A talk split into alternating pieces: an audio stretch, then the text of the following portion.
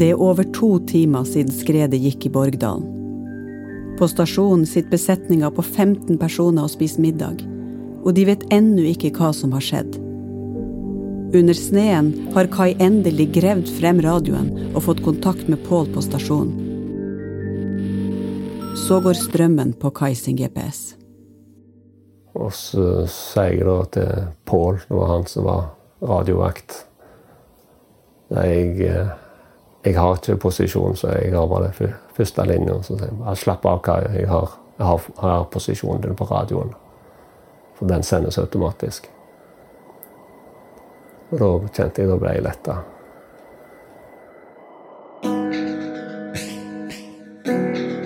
Du hører på Våre historier, en podkast fra Forsvaret.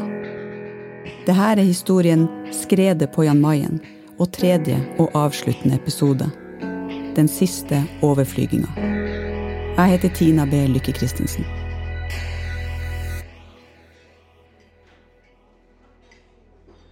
Og akkurat idet jeg skal til å ta første biten med mat, så går det en beskjed på høyttaleranlegget. Og det gjør det ganske sjelden. Vi brukte ikke høyttaleranlegget så mye. Og når det skjer på en lørdag, så tenkte jeg mer sånn Å, kanskje de har bakt kake nede på E. Eller eh, de skal, bassenget er klart, eller et eller annet sånt. Beskjeden som går over anlegget, er at stasjonssjefen, som blir kalt Høvdingen, må komme ned på kontoret. Det første jeg tenkte, var jeg håper ikke det har skjedd noe med Bjørg og Robin og Kai. Så når han blir ropt spesifikt ned på kontoret, så skjønner jeg at det er noe som er alvorlig. Uh, uten at jeg vet hva som har skjedd, så skjønner jeg med en gang at når, når stasjonssjefen må løpe fra lørdagsmiddagen ned gangen og ned på E, da er det ikke lenger snakk om bassenget eller kake. Og veldig kort tid etterpå så kommer det en ny beskjed over anlegget. Det har gått et skred i Borgdalen. Alle må rykke ut.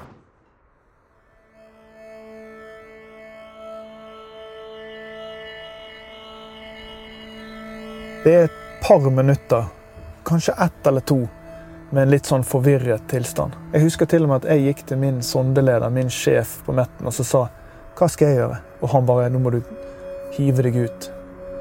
Så det som skjer, er at folk løper på rommene sine og hiver på seg klær. Eh, noen kjører fram snøskutere. Eh, noen kjører fram beltevogn. Kjøkkenet gjør klar brus og mat og drikke.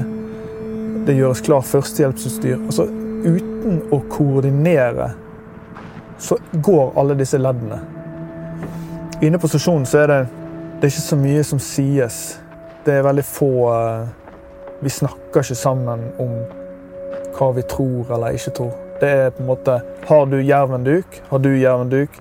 Har vi spader? Ja, spader er der. Der er mat og drikke vi trenger. Altså, det er rett på, på oppgave. Så jeg får på meg turklærne veldig raskt. Og jeg har klar en, en sekk som har eh, både førstehjelpsutstyr og spade og, og de tingene. Ekstra skift med hansker, eh, snøbriller. Den blir bare dratt på.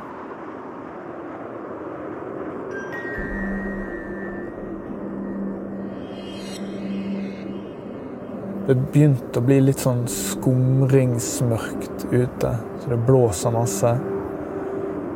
Og da var det en helt uvirkelig følelse å gå mot den snøscooteren. De snøscooterne hadde ikke vært startet i løpet av hele sesongen. Jeg hadde problemer med fikk, fikk for mye bensin, det smalt i potten. Og eh, en liten stund så var jeg bare jævla forbanna på snøscooteren. Som oppi det hele virka helt sånn. Men jeg hadde et sånt kort øyeblikk der jeg bare Der, jævla drittskuter. Og Så fikk jeg den i gang, og da var det på, på meg og Terje var det rett og slett det var bånd. Båndpinne på hver vår skute. Med sekk på ryggen. Og veldig lite informasjon. Å kjøre snescooter på Jan Mayen er ingen enkel øvelse. Underlaget er så variabelt. Det er sne, is, grus og vulkanstein. Eh, det snakkes ikke så mye mellom meg og Terje, men vi er veldig sånn godt, godt synket. Så han leder vei, og jeg følger etter, og vi, vi har en trygg Vi finner en rute som går opp, da. Oppe i Borgdalen har Kai fått meldt ifra. Nå handler det bare om å vente på hjelp. Så nå eh, åpner jeg ryggsekken, åpner topplokket, drar ut eh, det som ligger inni der. Det er ei dunjakke. Og slåss den på meg nede i hullet der. Det er dunjakka oppå. Han skifter også ut den våte lua med ei tørrei og får på seg tørre, varme votter. Han knipser av trugene på sekken. Blå truger. Kaster jeg opp av hullet, at de ser tydelig. Det skiller seg ut. Eh, Blå trugen i den hvite snøen. Der oppe vet jeg at det er helt kaos. Det er bare blokker på blokker på blokker. Så et eller annet som skiller seg ut. Selv om hjelpa er på vei, så vet Kai at han ennå ikke er trygg. Jeg prøver nå å ikke gå i den fella med å gi opp for tidlig. Det er den klassiske at du ligger og holder på å kjempe for livet på sjøen, og så ser du helikopter eller redningsbåten. Og nå slapper du av, for nå er du redda. Det er jo ikke det. De har jo ikke sittet i. Så det er bare å holde ut. Fortsette helt til de neven kommer ned. Når jeg sitter nede i hullet der og, og venter og fått kledd meg Så jeg må ha brukt ganske lang tid på å få på meg de klærne. For eh, jeg føler at det er ikke så fryktelig lenge etterpå jeg hører snøscooter. Hører den scooterlyden i bongas opp gjennom opp Borgdalen der. Inni hodet mitt så skal vi møte Kai, som har gravd seg ut, og at han står klar til å ta imot oss ved skredet.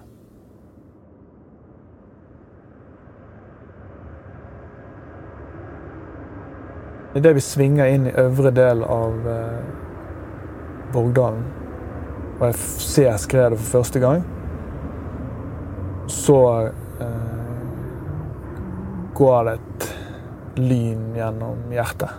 For det skredet er så enormt stort. Det er veldig, veldig, veldig mye større enn det jeg har mentalt sett for meg. Store, store snøblokker. Eh, mange hundre meter breit. Enorme snømasser og, og et kaos. Og ingen kai.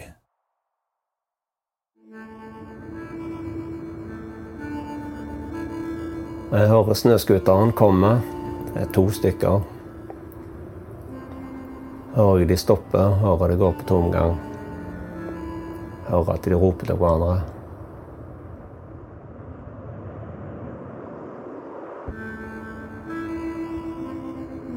Så vi står på hver vår scooter og roper til hverandre. Hen er, hen er Kai. Det er ingen Kai her. Han har jo gravd seg ut. Betyr det at det har gått et annet skred? Så et lite øyeblikk så begynner vi å lure på om vi er på rette plassen. Og så hører jeg de gir gass igjen. Og så kommer de enda nærmere. Men så ser jeg et godt stykke opp i siden at der er det en blå truge. Og da tenker jeg ok, det er nødt til å være Kai. Og så hører jeg at motoren blir slått av. Og da eh, stopper vi skuterne. Og så tar jeg en liten sånn Det mest naturlige for meg da er å begynne å sprinte av gårde. Der oppe er Kai fortsatt begravd. Men det tar et, ja, kanskje et halvt minutt der jeg gjør meg klar. Og Det første jeg gjør, er å se på området over oss. Er det fortsatt fare for skred? Men der har hele fjellsiden gått. Det er blankpolert over oss. Det er ikke noe mer snø som kan, kan rase. Så da er det greit å gå inn.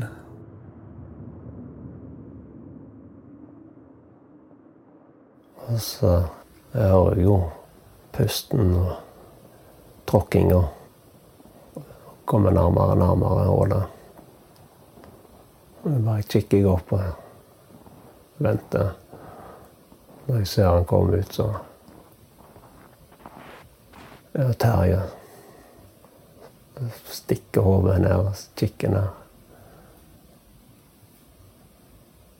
Hvordan går det? Og så, ja. Det går bra, sier jeg. Så begynte han å grave og ropte han kom. Ropte han på Stian og var rett bak han.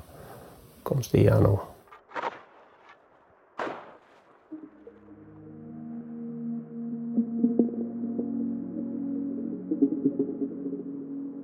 Det som møter meg der, det er rett og slett Han er nede i en hule. Han er ikke oppe i, i, klar til å vandre ut av dette. Han er begravd opp til brystet. Nede i en hule. Han har vrengt eh, jakken sin over seg. og stør. Han, han er bom fast.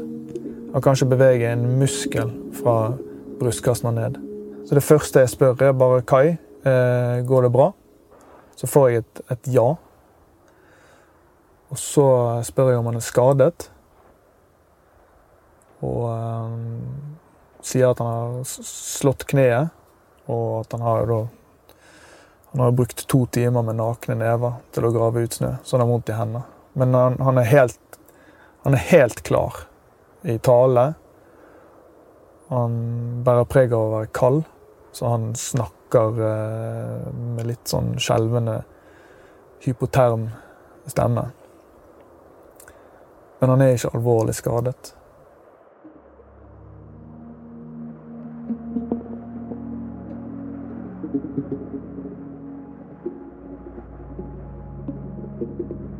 Stian og Terje utgjør fortroppen.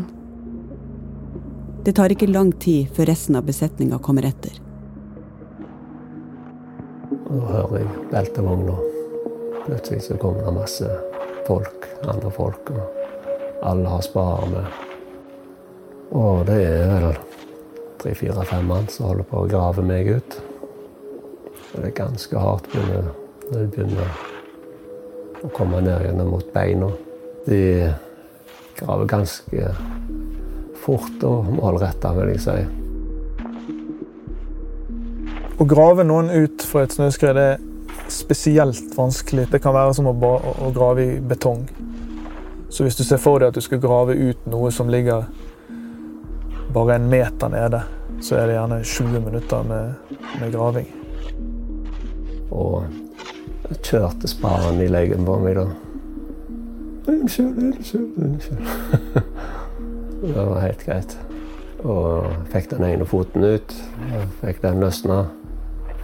Og jeg merka sjøl om bare snøen lå rundt over tærne mine og rundt helt der på hælen, så klarte jeg ikke å dra ut foten. Og det var, det var betong allerede da. Og da måtte jeg liksom muse skritt liksom, med spaden og bare hakka en arm. Brekke, brekke.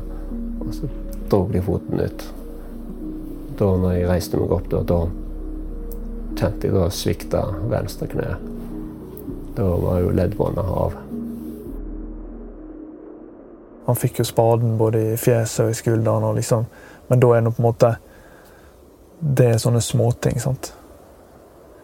Men det eneste som står i hodet mitt, er bare Hvordan eh, skal vi klare å finne Bjørg og Robin i dette her?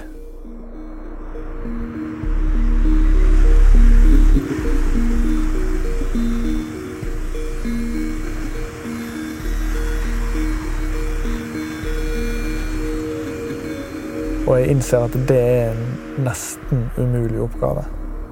For de ligger begravd i eh, enorme snømasser. Og de har ingen sender-mottaker på seg. Det er ingen tegn i overflaten. Det er nål i en høystakke. I et gigantisk kaos av snøblokker og is og For meg som har holdt på en del med å trene på å redde i skred og på å holde på så står vi i det som er mitt verste mareritt. Eh, for her er det to stykker som er begravd. Det er ingen tegn til hvor de er. Alle bidrar i leitinga, også Kai. De gjør først et lite overflatesøk. Det betyr å se etter tegn som votter, staver eller truger, eller noe annet som kan gi letemannskapene noe å gå etter. Men det er ingenting. Og da eh, bestemmer meg for at vi skal begynne å søke med det vi har av utstyr, og det er bambusstenger som vi bruker som brøytestikker. Så alle har hver sin bambusstang. Da går vi på, på en ganske stram linje og søker av området. Så jeg prøver da å forklare at vi kjenner etter noe som er du, du kjenner etter noe som er hardt, men at det gir etter møter du hard snø, så gir ikke den etter. Det er is, det er hardt. Men treffer du et menneske, så stopper søkestangen, men den gir litt etter. Og utrolig nok, da, så ganske raskt etterpå så får vi det første treffet. Og eh, kort tid etterpå så kommer treff nummer to like ovenfor. Og for meg så oppleves det som et slags Ja, nesten som et mirakel. Men vi får treff, og uh, vi begynner å grave alt det vi makter. Det å grave når du vet at her ligger kompisen min Det føles ut som du kunne ha gravd uh, til jordens indre. sant? Det stopper liksom ikke, du bare graver. Og Og så plutselig så så ser vi hvem det er. Og koster snøen vekk fra fjeset til, eh, til Robin. Og vi skjønner jo hva som har skjedd.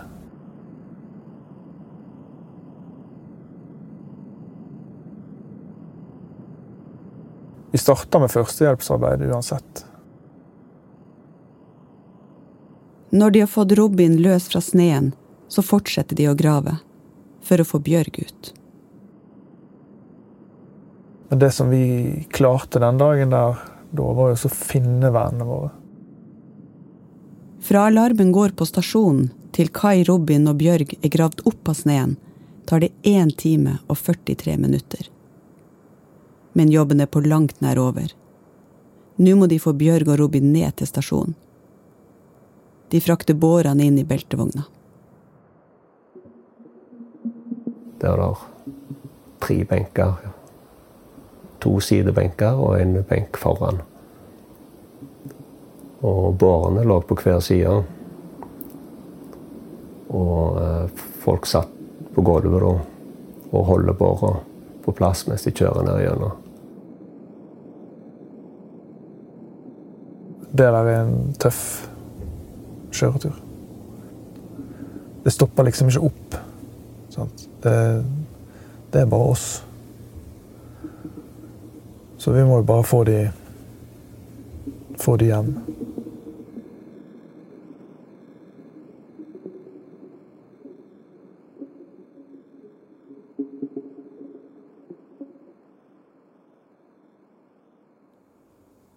Fremme på stasjonen bærer de Bjørg og Robin inn på sykestua.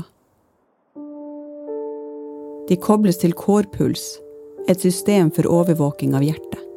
Og det overfører signaler til fastlandet. Klokka 18.30 blir de begge erklært døde av legen på sykehuset i Bodø.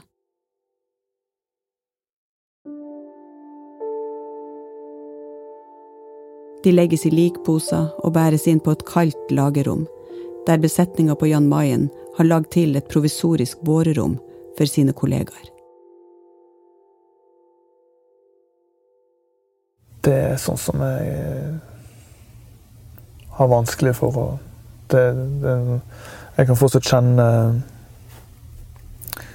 tyngden av posen i jeg med venstre hånd. Jeg kan fortsatt kjenne den eh,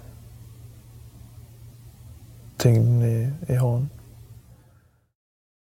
På fastlandet er det nå satt krisestab. Og det er noen tunge private telefonsamtaler som skal tas. Tobias, broren til Robin, er på spillkveld hos studievenner. Rundt klokka sju tikker det inn en melding på mobilen til en av kompisene til Tobias. Den er fra Tobias sin mamma. Hun melder han for å forsikre seg om at Tobias ikke er alene. Og så visste han med den meldinga. Og da tok jeg og ringte mamma og så spurte jeg om har du glemt telefonnummeret mitt. og da eh, så spurte mamma hvor jeg var, om jeg var alene. Og da sa jeg at jeg var på spillkveld og jeg var i lag med vennene mine. Og så da sa hun det at eh, Hun sa at det hadde gått et eh, snøskred på en vei Og eh, han Robin var gått bort. Og jeg bare jeg kollapsa. Og, um, jeg husker at hun spurte om jeg var der, om det gikk bra. Og jeg sa ja. Jeg, og så og Da så en av mine andre venner han så at jeg satt der, og, og så kom han, kom han ut, og så Jeg klarte ikke å fortelle hva som hadde skjedd, så jeg skubba telefonen bort til han. Og så sa mamma til han at at jeg hadde møtt storebroren min.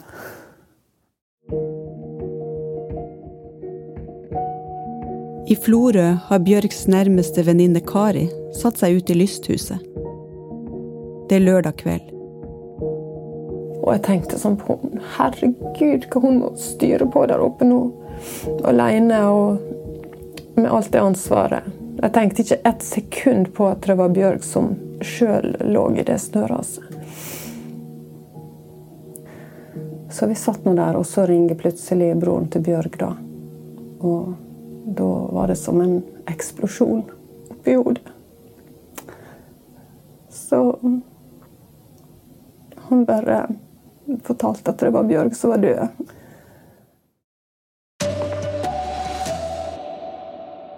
Natt til søndag sender Forsvaret ut pressemelding, og skredet blir omtalt i mediene. Her er NRK Dagsnytt, klokken er ett. En kvinne i 50-årene og en mann i 30-årene døde i et snøskred på Jan Mayen lørdag ettermiddag, det opplyser politiet. Nødetatene fikk melding fra Hovedredningssentralen Nord-Norge om at det var gått et snøskred i Borgedalen. To personer ble tatt av skredet, mens eh, den en tredje kom seg løs og fikk varslet.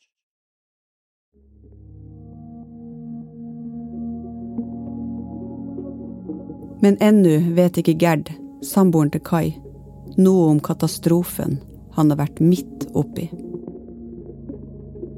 Det var litt rart òg, fordi jeg snakket med han eh, før den helga. For da skulle jeg på fjellet med et vennepar av oss. Eh, og jeg fortalte vi skulle på ski og flotte greier. Og, ja, så vi snakkes sikkert ikke før på søndag. Så når vi var oppe på Simlebu eh, på fjellet, veldig liten dekning, var så å si nesten ingen dekning, eh, så våkna vi om morgenen. Da hadde venninna mi fått eh, internettkontakt og hadde lest på nyhetene at det hadde vært et snøskred på Hjelmeien. Når jeg endelig fikk kontakt med omverdenen på mobilen min, det var helt plutselig så bare rant inn meldinger. Eh, kjente venner som spurte, familien som lurte. Og når jeg kom igjennom og så at, det, at jeg hadde fått melding fra Kai, så fikk jeg det jo bekrefta at eh, Johan hadde overlevd.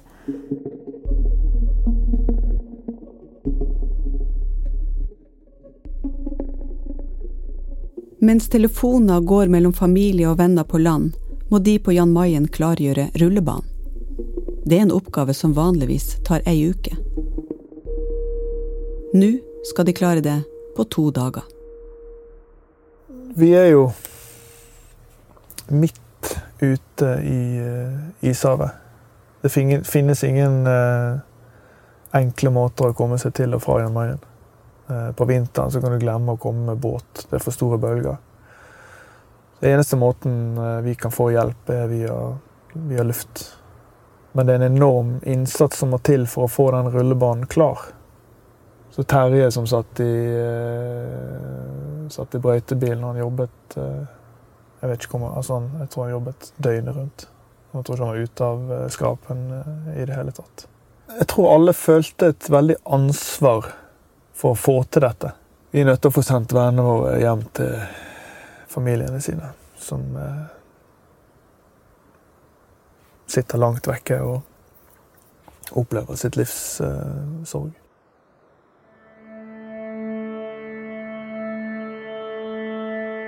Tidlig mandag morgen er rullebanen klar. Bjørg og Robin blir lagt ned i kista. De holder minnestund på stasjonen. Kai har smerter i kneet og såre fingertupper med frostskader. Men han er med på seremonien og står oppstilt sammen med de andre når kistene bæres ut på rullebanen og inn i flyet. Ja, Sto på sida der, og når de bar igjen inn på Herkulesen. Og rampa gikk igjen. Og de starta opp. Og så tok de av med Robin og Bjørg om bord. Etter de tok av, så tok de en store sving utover havet, havet. Og inn mot Berenberg. Snudde der og svingte over Oss og stasjon. Hadde en overflyvning som siste farvel. Og det var nok ganske tungt. Da var nok ei bok som ble lukka for noen fine folk.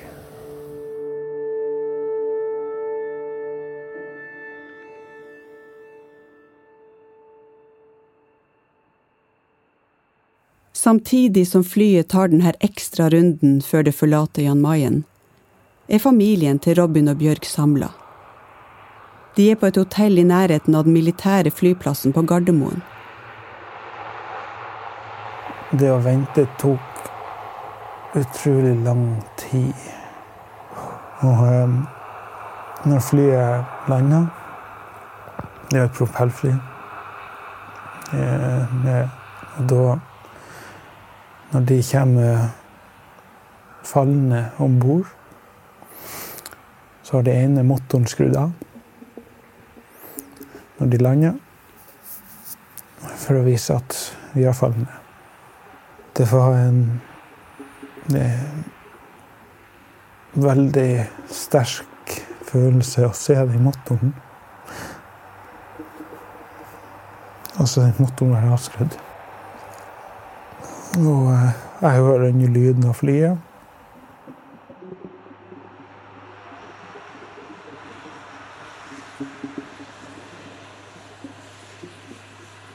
I Forsvaret har vi en beredskapsvakt døgnet rundt. Det her er stressmestringsteam med prest og psykolog. Hvis det skjer ei krise under militære oppdrag, skal de være på plass innen 24 timer. Psykolog Cecilie Kora Langballe er med opp til Jan Mayen som en del av et sånt team. Eh, der inne så satt det 16 stykker. Um, det var ganske stille. Og mitt inntrykk var at jeg møtte mennesker som var slitne. Eh, kanskje fortsatt i sjokk. Cecilie og resten av teamet starter samtaler både i grupper og individuelt. De driver med det som på fagspråket kalles psykoedukasjon. Det betyr å gi kunnskap om hva som kan være normale reaksjoner i en sånn type hendelse. Da samler de alle som har vært med på opplevelsen, for at de skal snakke sammen om det de har opplevd, og sånn få det samme bildet av hva som har skjedd. Når vi har vært med på en eh, høyintensitetshendelse, så har hjernen vår litt vanskelig for å huske det store bildet, men vi husker kanskje bare akkurat det vi selv var med på. Dette kan gi en uproporsjonalt stor eh, plass i minnet vårt. Og da ønsker vi gjerne at de skal uh, få dempet kanskje det forstørrelsesglappet, få zoomet ut, sånn at de får med seg hele bildet av hva som har skjedd på hendelsesforløpet. Og det er også viktig for bearbeidingsprosessen senere av det å ha vært med på en traumatisk hendelse.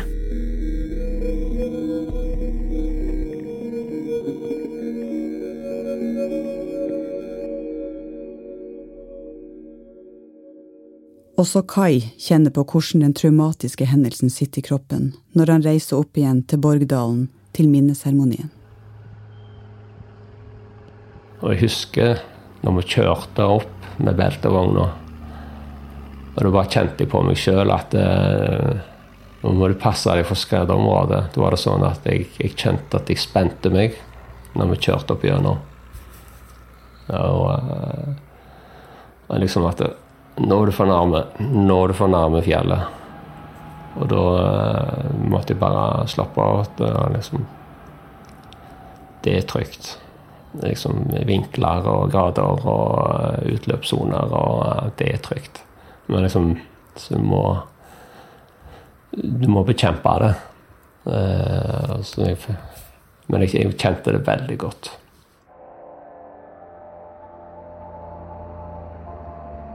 Rett ved sida av skredet stopper de beltevogna og går ut.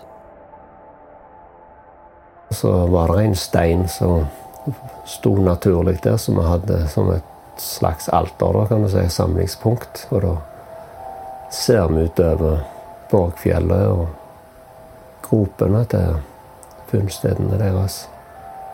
Så det var en eh, med vi minnestund der med feltpresten. Vi hadde jo et flagg med oss når vi gikk opp der. Og det slo vi ned i bakken. Rett ved sida der på fjellet. Og det sto vel ut så lenge vi var kontingentene våre og det vi fikk opp. Eh, vi bestilte jo eh, ei eh, minneplate. med sånn kort historie om hva som har skjedd, og dato og omkomne. Den bolta vi opp der. Bolta han fast. Den uh, står til evig tid.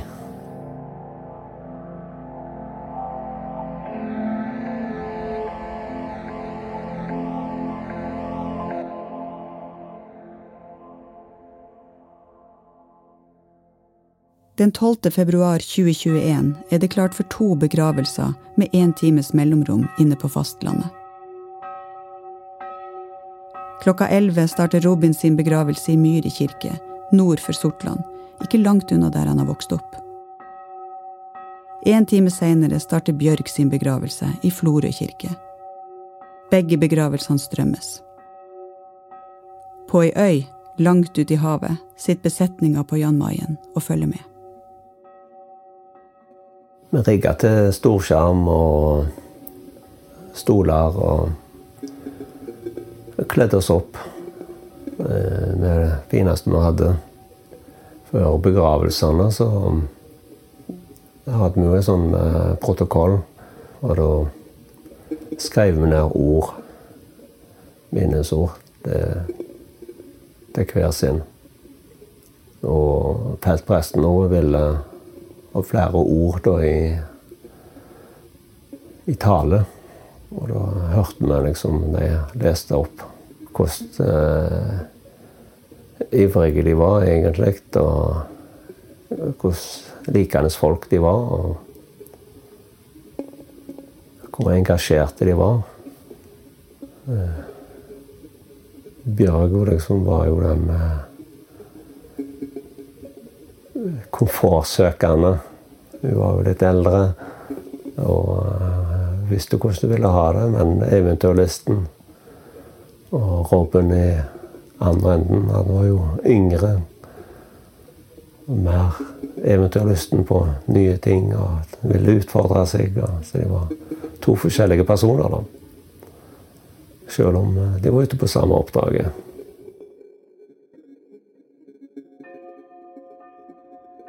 Begravelsene markerer et slags punktum. Oppgaver må gjøres, og oppdraget må utføres. Kontingenten skal være på Jan Mayen frem til april. Men flere av dem har fått spørsmål om de vil avbryte før oppdraget er ferdig. Dette er, dette et, et usedvanlig traumatisk ting å gå gjennom. Og så skal man fortsatt være der i to-tre måneder. Og... Men var så, det var så vanvittig mye kjærlighet og forståelse og tålmodighet.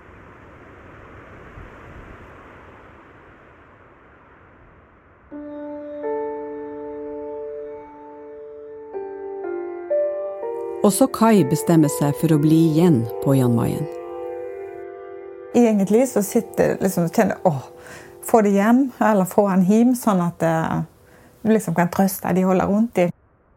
Gerd, samboeren til Kai. Men på andre sida så vil jeg ikke ha han hjem, fordi han har opplevd noe som ikke jeg kan hjelpe han med. Det kunne Forsvaret gjøre. Forsvaret har uh, gode psykologer, de har hjelp hvis de trenger det, og da det er liksom rart å si, men jeg ville ikke ha han hjem. For han ville få bedre hjelp der han var på Jan Mayen, enn hjemme her hos meg. Så, så, det at han valgte å bli der oppe, det var på en måte en lettelse for meg. For da visste jeg at han fikk hjelp, og de har eh, lidd tap av Robin og Bjørg. Og de, når du er på sånne steder, så er du som en stor familie.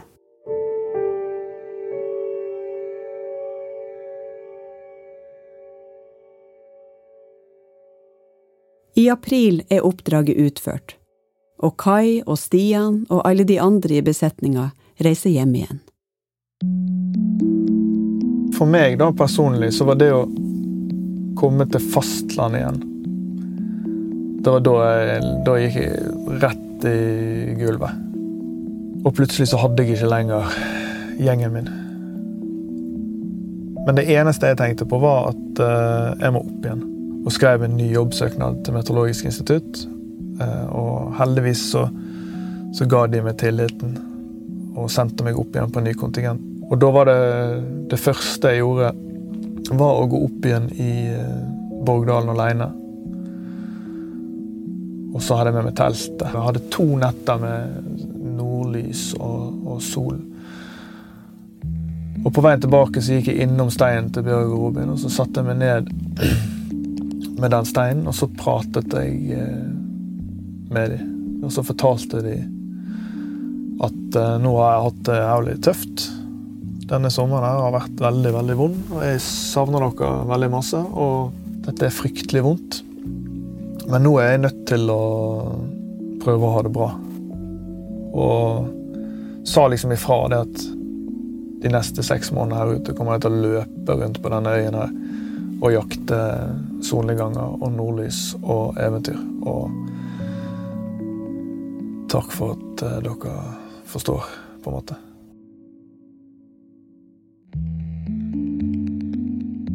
Litt seinere denne høsten kommer det beskjed om at noen i familiene til både Bjørg og Robin skal komme opp til Jan Mayen på besøk. Det har vært flere forsøk på å få opp familiene, men været har ikke alltid spilt på lag Og Hercules-flyene er mye opptatt denne høsten med evakueringa ut av Afghanistan.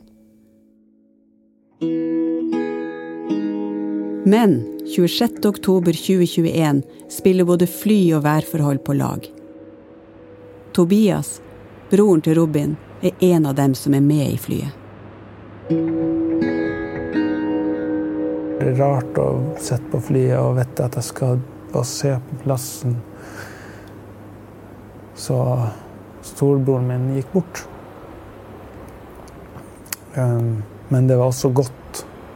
Og det at vi skulle få lov til å se det siste han så, og den plassen han var så lykkelig på.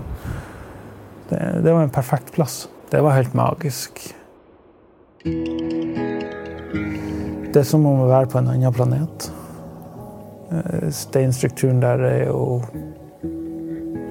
helt annet enn det vi er vant til her på fastlandet. Um, det er jo vulkansk øy, eh, og det vises. og det å ikke se noen planter foruten noen mose det... Og så er det noe med lufta òg der. Den er, veld... det er god. Det er fri luft. Det å få komme opp dit og se plassen. Og se minneplater som ble lagt der. Det ble jo sittet i en stor stein. Så var det veldig godt. Og da ble det jo satt igjen lys og sånn. Når vi skulle satt på flyet, og så døra ble lukka, og porten ble En luka baki ble lukka. og jeg satt og så etter han Robin. Jeg forventa at han skulle bare ja, stikke hodet fram der. Hallo! og det var veldig tungt når den lukka seg og han ikke var der.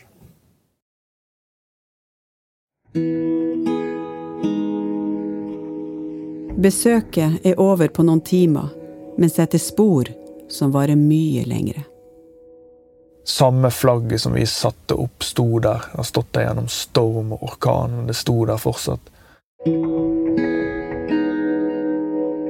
Og eh, blant annet så satte pappaen til Robin eh, ned et, eh, et lysende Et sånn glasslys. Og det ble så fint etter hvert, for det batteridrevet lyset der ville aldri slutte å lyse. Så gjennom hele mørketiden, når jeg gikk forbi den steinen, så sto det der lyset og lyste. Jeg kostet av det og, og sjekket det, men det, det ville aldri slutte.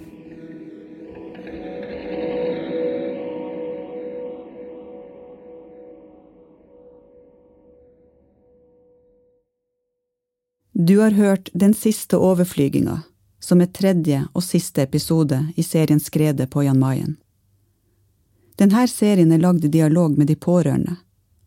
Takk for at vi kan få fortelle denne historien, og en spesiell takk til Kai, Tobias, Kari og Stian, som har delt historien sin med oss. Våre historier er en podkast fra Forsvaret. Lyddesign Hans Kristen Hyrve. Manus, research og intervju er ved Hege Svanes. Regi er ved Ragnhild Fjellro, som også er produsent. Takk også til Lars Hallingstorp og Jørgen Lyngvær. Fortellerstemmen er ved meg, Tina B. Lykke Christensen, som også er ansvarlig for innhold og produksjon i Forsvaret kommunikasjon. Vil du vite mer om Forsvaret og Jan Mayen? Ja, da går du inn på forsvaret.no.